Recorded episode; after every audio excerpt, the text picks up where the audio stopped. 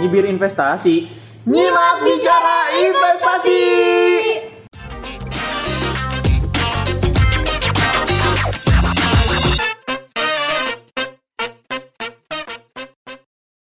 Halo investor muda, kembali lagi di Nyibir Investasi, nyimak dan bicara investasi. Selamat pagi, selamat siang, selamat sore, dan selamat malam buat kamu investor muda yang mungkin dengerin ini di waktu-waktu itu ya.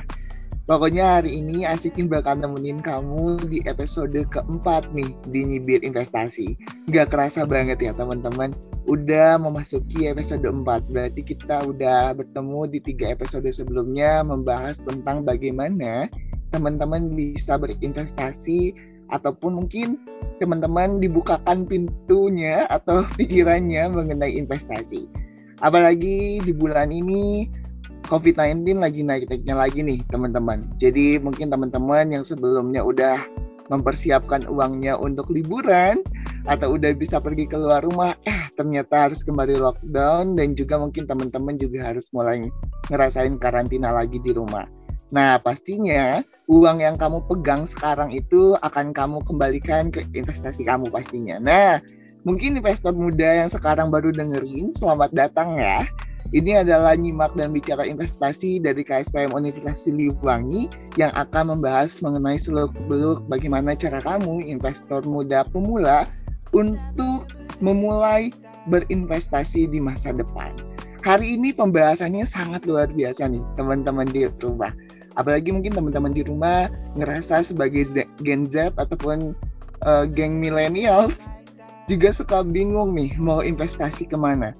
Mungkin kalau misalnya teman-teman udah sering banget bilang deposito aja sih kalau buat pemula iya betul banget. Tapi nih teman-teman kalau deposito kan uangnya juga nggak nggak apa ya nggak nggak sedikit harus banyak harus gede. Nah kalau misalnya kita nih mahasiswa mungkin anak SMA aduh harus butuh yang sedikit lebih kecil dari deposito. Nah, hari ini jawabannya. Teman-teman bakal belajar yang namanya reksadana. Hari ini kita bakal kupas tuntas mengenai reksadana teman-teman. Tapi sebelum kita masuk ke reksadana, aku mau kenalan dulu sama seseorang yang sudah menemani Asikin hari ini. Senang banget ketemu teteh cantik yang satu ini. Halo Teh Intan, apa kabar? Halo Ikin, apa kabar Gin? Uh, baik, baik. Intan gimana sama Tasik Malaya COVID-19 ya? Iya, Tasik uh, sama ya kayaknya kayak daerah-daerah lain sekarang di kabupatennya lagi zona merah lagi jadi kita yang udah ngarep bulan-bulan ini bakal masuk kuliah katanya bakal offline harus menahan diri lagi buat ketemu temen-temen gitu kayak jadi sedih juga sih Nah, sedih banget ya Teh udah rindu banget sama kampus bener tapi nggak apa-apa demi kesehatan kita tetap harus ngejaga protokol kesehatan juga ya. Jadi buat teman-teman di rumah juga ya, jangan betul. lupa selalu menjaga 3M-nya ya, mencuci tangan, menggunakan masker kalau keluar. Terus kalau keluar juga harus yang penting-penting banget gitu ya. Jangan sampai yang nggak penting juga keluar gitu ya. Betul. Gitu. Nah. Prokesnya nomor satu. Tapi sebelum kita ngobrol banyak soal reksadana sama Teh Intan, kita harus kenalan dulu siapa sih Teh Intan ini siapa sih Aduh, Kenapa jadi malu. harus diundang gitu ya di acara KSPM Jibir Investasi ini ya udah ya kita langsung kenalan dulu sedikit tentang Teh Intan. Teh Intan ini nama lengkapnya nih teman-teman Intan Mela Hartono merupakan mahasiswi program studi manajemen di Universitas Siliwangi luar biasa dan sekarang dia menjadi direktur administrasi di kelompok studi pasar modal Universitas Siliwangi. Wow, kan teman-teman?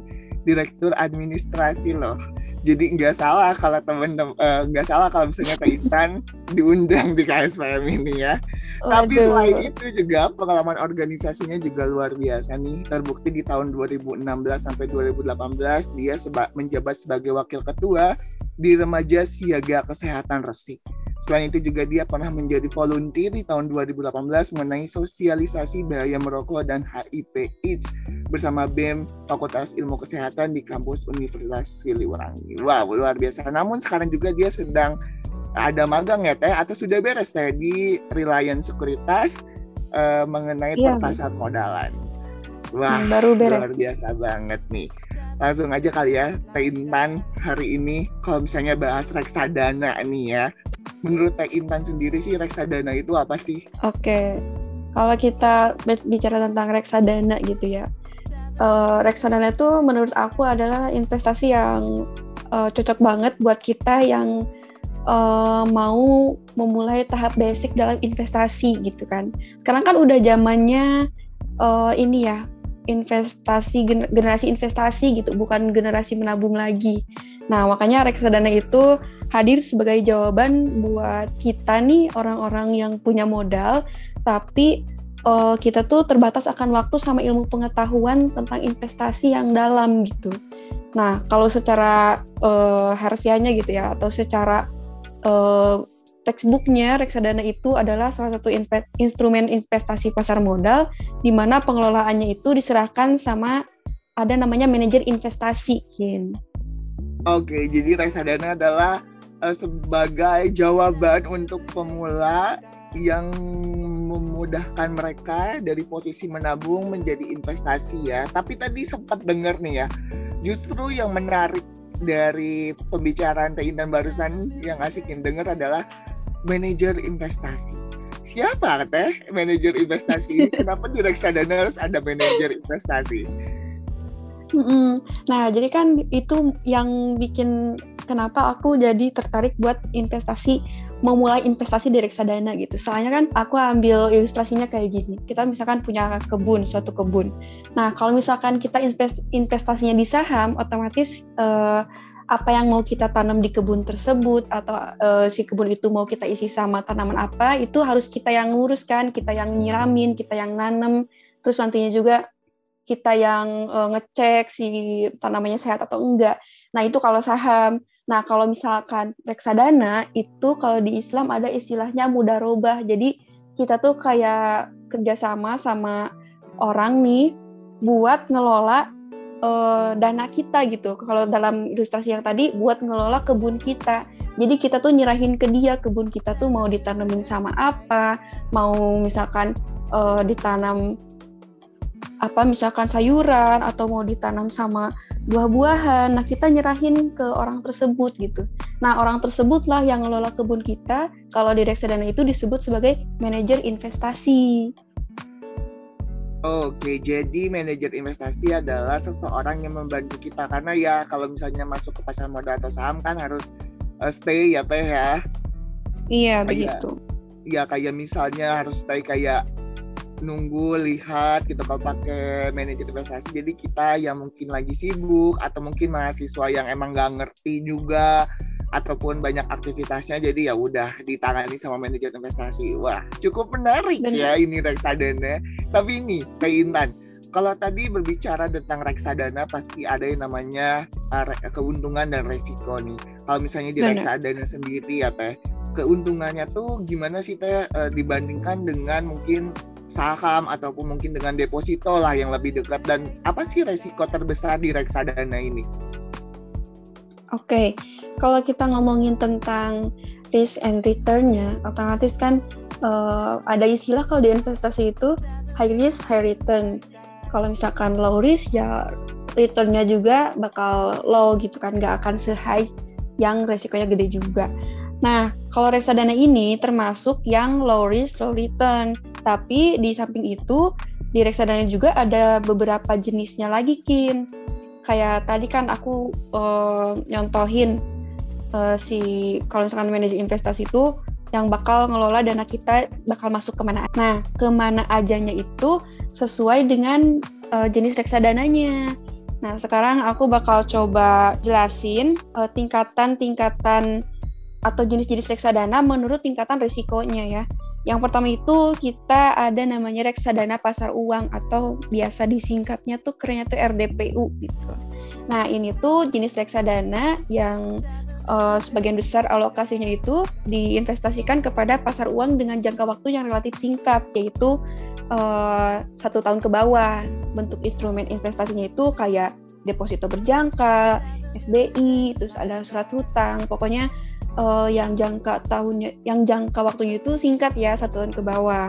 Yaitu resikonya yang paling rendah di antara semua jenis reksadana. Jadi kan uh, si tingkat returnnya juga nggak akan sebesar reksadana yang akan kita bahas selanjutnya. Yang kedua, di atas RDPU itu ada RDPT atau reksadana pendapatan tetap. Sebenarnya instrumennya itu mirip sama RDPU ya, cuman kalau yang RDPT ini jangka waktunya lebih dari satu tahun. Jadi dia resiko dan returnnya itu di atas RDPU. Yang ketiga, kita ada reksadana campuran. Nah, reksadana campuran ini tingkat risk sama returnnya itu ada di tengah-tengah ya, dia ada di tengah-tengah. E, dalamnya juga seperti namanya yaitu campuran. Nanti di dalamnya tuh ada RDPU, ada RDPT, ada RDI dan ada RDS gitu. Gimana manajer investasinya. Nah, setelah RDC yang keempat, ini ada reksadana indeks. Indeks tuh apa sih? Kira-kira kalau Ikin dengar kata indeks yang keinget saya Ikin apa nih kalau indeks? Hmm, kalau kata Ikin sendiri ya, kalau indeks tuh kayak berupa data dan angka gitu loh. Tapi biasanya kan kalau di matematika, kalau ngomongin indeks ya pasti berupa komponen apa sih kayak kumpulan data ataupun kumpulan angka gitu. Iya, bener banget. Sebenarnya mirip-mirip ya. Di sini juga indeks yang aku maksud itu uh, ada namanya indeks saham atau indeks obligasi. Jadi sebenarnya sama aja gitu pengertiannya. Dia itu kumpulan data di mana uh, indeks itu ngumpulin sesuatu berdasarkan uh, kategori tertentunya. Misalkan kalau di indeks saham ada kelompok emiten yang dikumpulkan berdasarkan uh, apa ya analisis fundamentalnya gitu. Jadi yang analisis fundamentalnya bagus itu masuk ke indeks tersebut. Contohnya ada indeks LQ45 terus uh, di dalamnya tuh yang biasanya kita sebut dengan saham blue chip gitu ya. Terus yang lainnya ada indeks MNC 36 ada indeks IDX 30, terus yang syariahnya itu ada indeks ISI, ada indeks Jakarta Islamic Index, JIS, JIS, JII, maaf. Nah, itu reksadana indeks. Reksadana indeks itu tingkat risikonya tingkat keempat berarti ya kalau di reksadana. Tingkat returnnya juga sama uh, di atas reksadana campuran EDPT dan juga EDPU. Nah, Terus yang terakhir nih ada namanya reksadana saham. Reksadana saham ya kayak namanya ya, jadi seluruh investasinya itu sama manajer investasi dialokasikan ke saham. Nah, sebenarnya kan reksadana indeks sama reksadana saham tuh dua-duanya sebenarnya sama sama-sama mengalokasikan dananya ke saham. Cuman bedanya kalau RDI atau reksadana indeks itu si manajer investasi menggunakan indeks sebagai acuannya. Jadi ini sebenarnya cocok buat teman-teman yang uh, apa ya takut atau khawatir si dana investasinya itu bakal dialokasiin ke saham-saham gorengan gitu sama manajer investasinya. Nah mungkin boleh nih RDI sebagai pilihan pilihannya. Kalau misalkan RDS atau reksadana saham, uh, mereka nggak pakai acuan indeks, jadi ya itu gimana uh, apa ya gimana in, gimana manajer investasinya atau gimana kebiasaan manajer investasinya dalam mengalokasikan dana investasi nasabahnya. Begitu Kin, jadi tadi ada lima ya udah aku sebutin berdasarkan tingkat risiko dan returnnya. Wah, ternyata di reksadana tuh ternyata banyak banget ya Teh. Uh, macam-macamnya reksadana ya, banyak pilihannya. Tadi ada uh, reksadana pasar uang, ada reksadana pendapatan tetap, campuran saham Tuh. dan indeks. Jadi sesuai dengan sebesar apa keuntungannya dan sebesar apa juga risikonya. Jadi buat teman-teman di rumah nih investor muda yang lagi dengerin podcast ini, berarti teman-teman bisa milih kapan kapan pun dan apa pun gitu ya. Mau itu. RDPU, mau RDPT, mau campuran, mau saham dan indeks tapi itu sesuai dengan kapasitas budgetnya teman-teman di rumah. Tapi teh, sebelum itu nih biasanya nih kalau di reksadana tuh biasanya dimulai dari harga berapa ya? Kalau mungkin tadi kan dibilang oh ini kan mudah nih buat investor pemula. Kenapa bisa dibilang hmm. mudah buat investor pemula? Berarti kan uh, berapa nih dana yang bisa kita keluarkan ataupun uh, berapa besar investasi yang bisa kita keluarkan di awal masuk ke reksadana ini? Oke, okay, kalau misalkan ngomongin tentang uh, berapa sih kita harus punya uang berapa gitu buat mulai investasi di reksadana. Sebenarnya sekarang tuh udah mudah banget. Reksadana tuh sekarang udah kita bisa mulai dari harga sepuluh ribu kin. Bahkan lebih murah dari harga boba ya. Kebayang nggak tuh? Wow keren banget sih. Hmm. sepuluh ribu. Di saat Bener, kita bisa, bisa. beli boba ya lebih bisa diinvest gitu ya. Wow luar biasa daripada banget. beli boba gitu kan betul banget iya. daripada beli boba ya udah diinvest oh jadi bisa dimulai dari sepuluh ribu nah kalau angka terbesarnya nih teh atau enggak misalnya harga standar lah mahasiswa atau anak-anak SMA mungkin yang di rumah bisa mulai investasi paling standar yang mungkin kalau sepuluh ribu agak cukup riskan kali ya. Nah berapa sih harga yang pas untuk atau enggak investasi yang pas untuk di reksadana ini menurut Teh Intan? Oke, okay. Aku paling uh, sesuai pengalaman aku aja ya Kin. Kalau aku tuh nargetinnya waktu itu dari 100 ribu dulu coba-coba gitu kan. Ada uang nih uang bulanan aku sisihin cobain buat masuk ke reksadana. Nah mungkin menurut aku 100 ribu cukup lah biar kita bisa uh, dipilih-pilih juga. Misalkan 30 30 40 ke RDPU ke RDPT sama ke reksadana saham gitu dibagi-bagi 100 ribu cukup lah kalau kita buat mahasiswa. Selanjutnya bisa dinaikin lagi gitu. Oke, okay, berarti dengan harga 100 ribu nih, teman-teman investor muda di rumah bisa memulai investasi. Sebenarnya mulai dari 10 ribu, tapi uh, untuk standarisasi ya, teman-teman bisa langsung nih dengan 100 ribu aja, teman-teman bisa milih tadi ada lima macam reksadana sesuai dengan keuntungan dan resikonya. Teman-teman di rumah juga bisa nyoba langsung gitu. Tapi ini adalah pertanyaan basic dan pertanyaan yang selalu dilontarkan mungkin untuk mahasiswa anak SMA gitu ya terus biasanya ya aku pengen investasi terus aku bilang sama orang tua nih ya kak misalnya teh gitu akang yeah. Aku tuh pengen invest tapi orang tua nggak ngizinin karena itu kayak judi apalagi di saham reksadana nah ini nih ini nih yang suka bikin agak kesel gitu ya. Nah, buat teman-teman iya, iya. semua di rumah nih, kita bakal langsung tanyain ke Teh Intan nih. Investasi reksadana ini tuh halal nggak sih Teh gitu? Oke, okay. kalau kita ngomongin halal atau haram, sebenarnya uh, aku jauh dari kata uh, layak, bukan layak ya, uh, apa ya, mampu gitu, atau misalkan ya cocok lah buat ngejelasin background aku kan bukan uh, syariah atau misalkan islamis gitu. Nah sebenarnya kalau kita ngomongin halal atau haram sih e, reksadana bisa aja jadi haram kalau misalkan kita niatnya atau misalkan kalau kita e, investasi di reksadana itu nggak pakai ilmunya gitu. Jadi kan kesannya tuh misalkan ikut-ikutan temen atau misalkan e, apa namanya untung-untungan kan kalau gitu kan sama aja kayak judi ya kalau niatnya kayak gitu. Nah makanya kita kalau misalkan mau uh, reksadana nanti juga ada ilmunya. Terus kalau menurut uh, MUI sendiri sebenarnya reksadana tuh udah halal yakin. Nah, teman-teman bisa cek nih di fatwa MUI nomor 20 uh, slash DSN slash MUI slash 4 2001 itu menurut hukumnya ya udah dinyatakan uh, halal. Terus kalau misalkan teman-teman masih ragu nih takut uh, nanti cuan yang kita dapat uh, jadi dosa buat kita, teman-teman bisa aja ngalokasiin uang investasi teman-teman ke reksadana syariah. Udah banyakin pilihannya.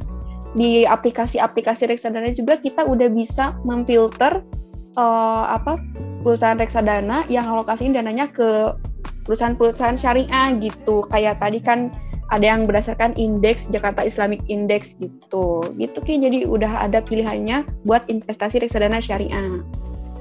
Wah, ternyata reksadana juga udah ada yang syariah ya, udah semacam ada. kayak bank juga ya.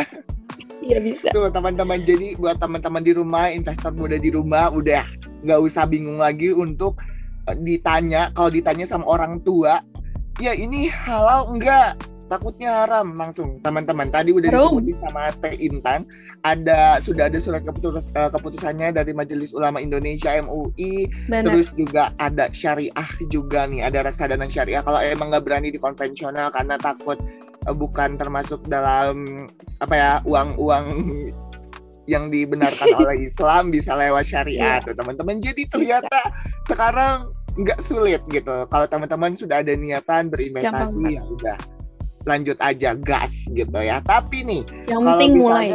No, yang penting mulai kata Teh Intan juga. Nah, kalau misalnya sekarang teman-teman di rumah, investor di uh, di rumah juga udah mulai oke okay, Teh, kayaknya aku bakal mulai nih untuk beli reksadana atau mulai investasi di reksadana.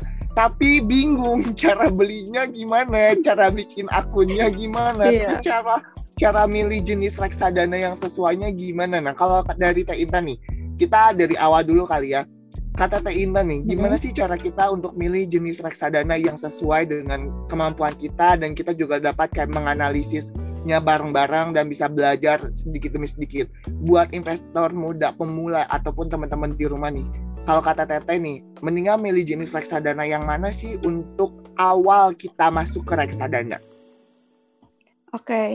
sebenarnya kalau misalkan um, kita mau masuk ke reksadana itu kita tanya lagi ke diri kita yakin um, kita orangnya mau main aman atau misalkan mau yang menantang gitu. Kalau misalkan teman-teman orangnya uh, panikan kalau lihat uangnya minus gitu kan di fotonya di portofolionya merah gitu. Nah teman-teman udah ambil yang paling aman aja yaitu tadi yang resikonya paling kecil RDPU atau reksadana pasar uang. Teman-teman masukin deh tuh ke situ uh, uang investasinya ya. Terus kalau misalkan teman-teman orangnya menyukai tantangan, bisa langsung ke reksadana saham atau reksadana indeks gitu. Kalau teman-teman orangnya uh, apa biasa-biasa aja yang terlalu aman gak suka, terlalu riskan juga gak, gak suka. Ya teman-teman ambil yang pertengahan tadi yang reksadana campuran. Jadi balik lagi ke kita, seberapa besar kita mau ngambil uh, resikonya gitu, Kin. Oke, jadi jawabannya adalah untuk investor muda atau teman-teman di rumah, tanya diri sendiri ya, Teh. Benar. Kalau mau Dengan aman sih RDPU aja. Hmm. Oh, jadi buat mungkin yang awal-awal, mungkin anak-anak SMA nih, teman-teman yang masih SMA yang lagi dengerin podcast ini atau mungkin mahasiswa tingkat satu, lebih baik mulai di hmm. RDPU nih, reksadana pasar uang mungkin bisa lebih tahu nih, belajar sambil dikit-dikit nanti uh, setelah ngerti RDPU naik naik naik gitu ya Teh ya, lebih aman kayak gitu ya. Iya benar. Benar. Jadi kita pahami dulu yang sekiranya kita uh, bisa jangkau paling deket lah gitu. Nantinya kita bisa naik ke uh, sesuatu yang lebih menantang lagi gitu. Jadi jangan jangan diam di satu tempat juga gitu. Kitanya harus meningkat juga gitu pengetahuan kita. Oke, okay, boleh didengar tuh teman-teman investor muda apa yang dikatakan Teh Intan. Jadi mulai dikit-dikit ngerti dulu materinya baru oleh gas naik naik naik naik naik. Nah sekarang Teh kan kita udah tahu nih cara untuk milih jenis reksadana mungkin yang sesuai sama kita di awal. Lanjut gimana sih teh cara kita milih manajer investasi? Karena ini paling penting dong dalam reksadana Bener. karena kita akan berhubungan sama manajer investasi. Menurut Teteh cara menganalisa ini kayak gimana nih untuk nyari tahu nih manajer investasi bagus nih. Terus produk reksadana juga ini bagus. Nah, menurut Teteh kayak gimana sih cara menganalisanya dan untuk kita pemula yang terjun ke reksadana itu kayak gimana? Oke, okay. kalau kita milih manajer investasi itu uh, gini ya teman-teman. Jadi pas kita masuk ke reksadana itu jangan asal milih karena misalkan sekarang udah denger nih reksadana uh, uh, kelihatannya aman gitu, tapi teman-teman harus tetap perhatiin juga siapa orang yang akan kita percayai buat pegang duit kita. Kayak tadi gimana kita milih orang yang bisa kita percaya buat ngelola kebun kita gitu kan uh, kalau misalkan mau diterapkan ke kehidupan sehari-harinya. Nah, kalau misalkan untuk memilih reksadana sendiri, kalau aku pribadi sih yang pertama tuh langkah pertama ya, membandingkan dulu beberapa reksadana yang serupa. Misalkan aku mau investasi di reksadana pasar uang. Nah, sebelumnya aku lakuin dulu uh, apa ya, observasi dulu nih daftar reksadana pasar uang yang uh, paling bagus. Misalkan di di web web manajer investasi kan suka diliatin ya daftar reksadana minggu ini yang misalkan yang terbaik. Nah aku list nih misalkan dari 1 sampai uh, 10 yang reksadana pasar uang yang terbaiknya mana aja. Kalau udah ketemu nih terus kita masuk ke analisis uh, ininya ya uh, si perusahaan manajer investasinya kita pilih dulu time horizon yang mau kita analisis. Kalau aku sih biasanya uh, jangka waktunya tuh lima tahun ya. Jadi lima tahun uh, perusahaan yang mau kita analisis kayak gimana gitu perkembangannya.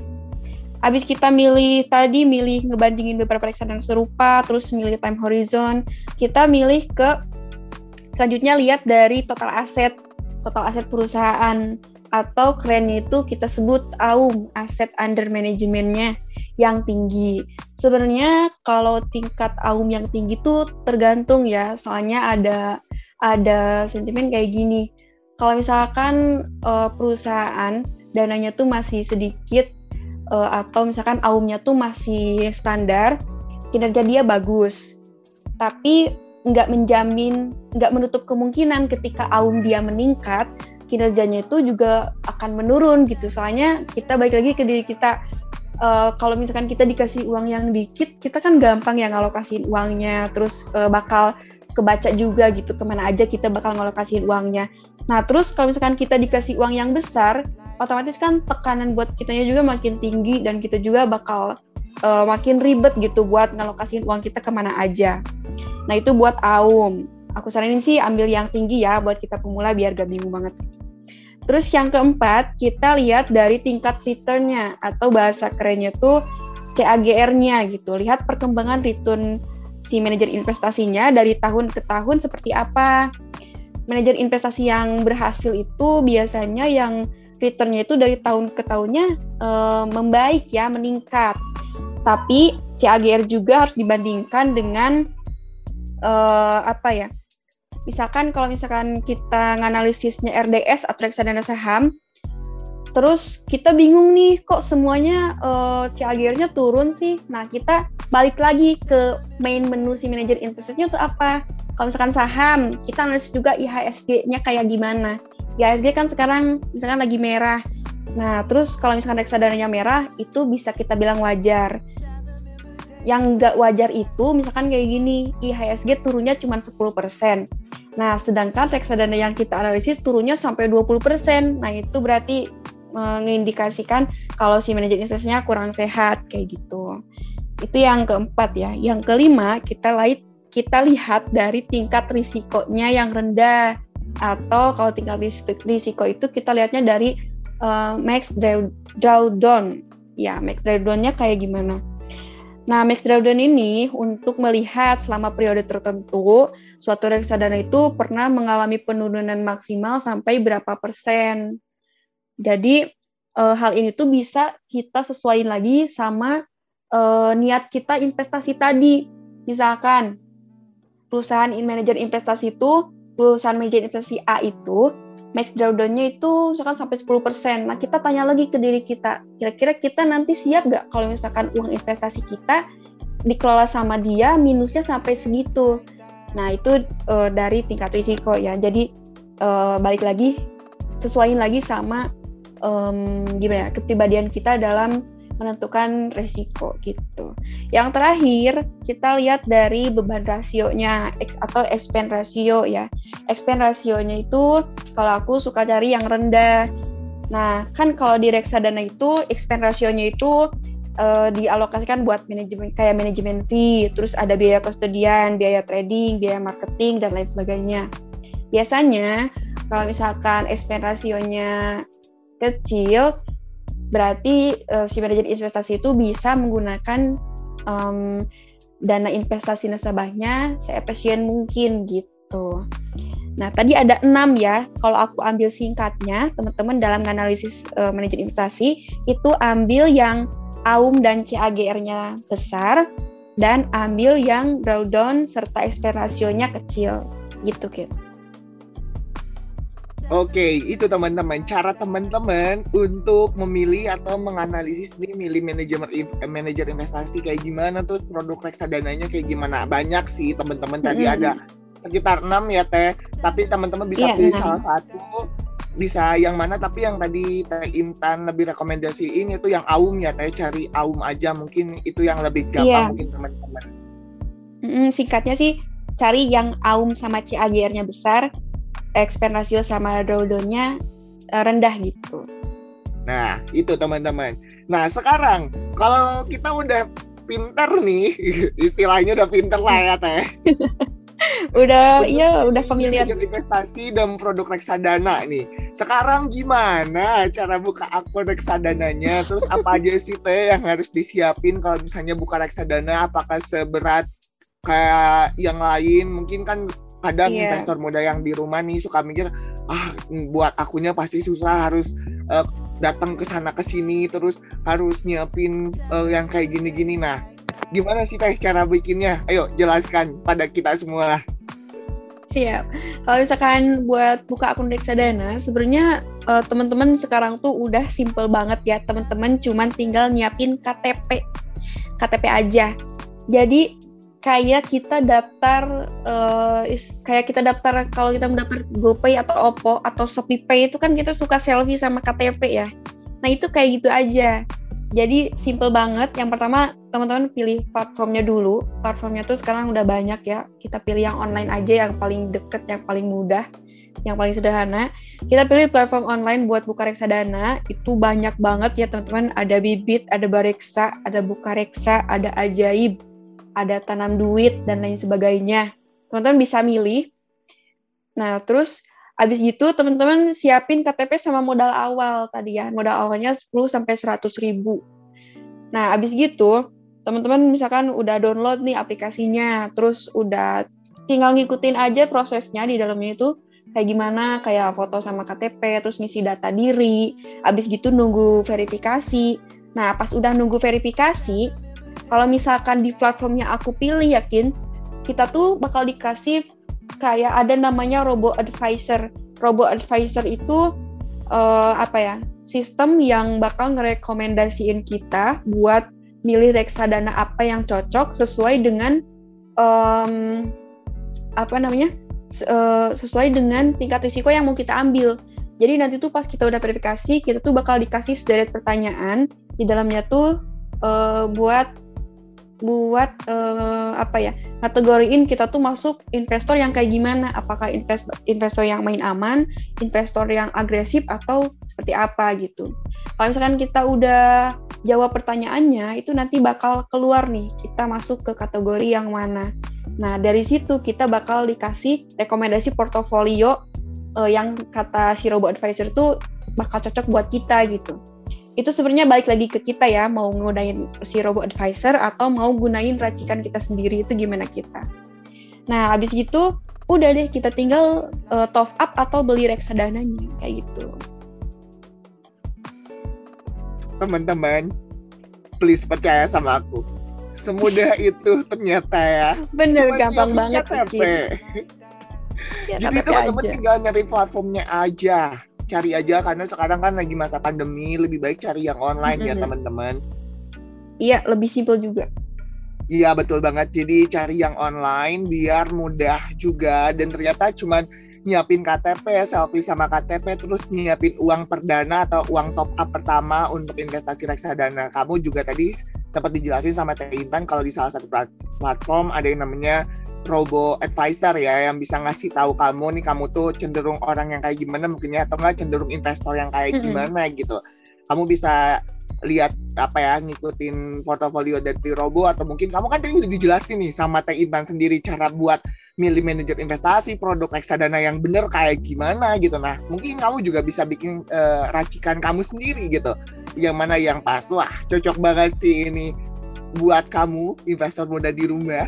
Ya mungkin sekarang udah mulai terbuka. Wah ternyata reksadana seluar biasa ini. Tapi mungkin masih ada yang mengganjal di hati kamu. Ya aku kalau teori sih bisa ya dipelajarin semudah itu ya sikin tapi kayak aku butuh bukti konkret gitu. Aku butuh yang namanya pengalaman gitu. Nah mungkin Teh yeah. Intan sendiri nih.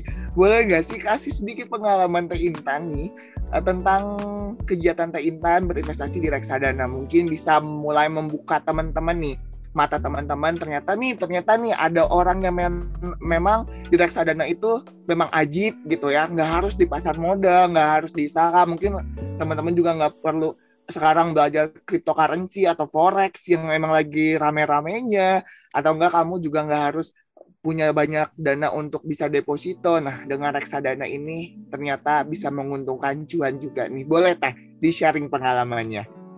Oke, kalau misalkan pengalaman aku sendiri sih, uh, aku mungkin ceritain awal investasi reksadana ya. Awalnya tuh uh, sebelum pandemi kalau gak salah. Hmm, waktu itu sebelum pandemi, apa misalkan pandemi bulan Maret kan, aku dari Januari-nya kalau saya udah mulai. Nah, waktu itu aku niatnya uh, sebenarnya niatnya tuh dulu pengen investasi saham. Cuman aku tuh kayak mikir lagi, aku tuh orangnya bukan trader gitu. Aku tuh niatan hati aku tuh bilang kalau aku tuh uh, pengennya jadi investor gitu kan.